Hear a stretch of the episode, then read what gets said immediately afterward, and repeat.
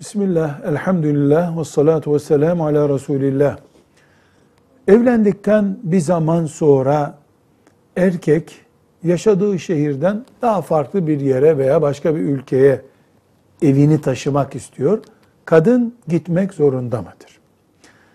Her şeyden önce nikah kıyılırken kadın ben sadece bu evlendiğimiz şehirde yaşayacağım, beni başka bir yere götürmeyeceksin gibi bir şart koştuysa erkek o şarta uymak zorundadır. Hayır, nikahta böyle bir şey konuşulmadı. Mesela İstanbul'da yaşıyorlardı. Ee, Antalya'ya taşınmak istiyor erkek.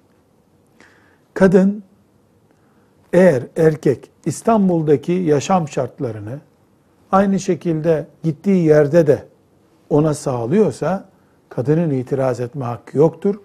Evlendiği erkeğin yaşadığı yere gitmesi gerekir. Ama erkek oradaki şartları sağlayamayacağı, bir tür işkence çekeceği bir yere götürüyorsa bunu mahkeme konusu yapabilir. Bunun dışında kadın erkeğinin yaşadığı yerde yaşar. Velhamdülillahi Rabbil Alemin.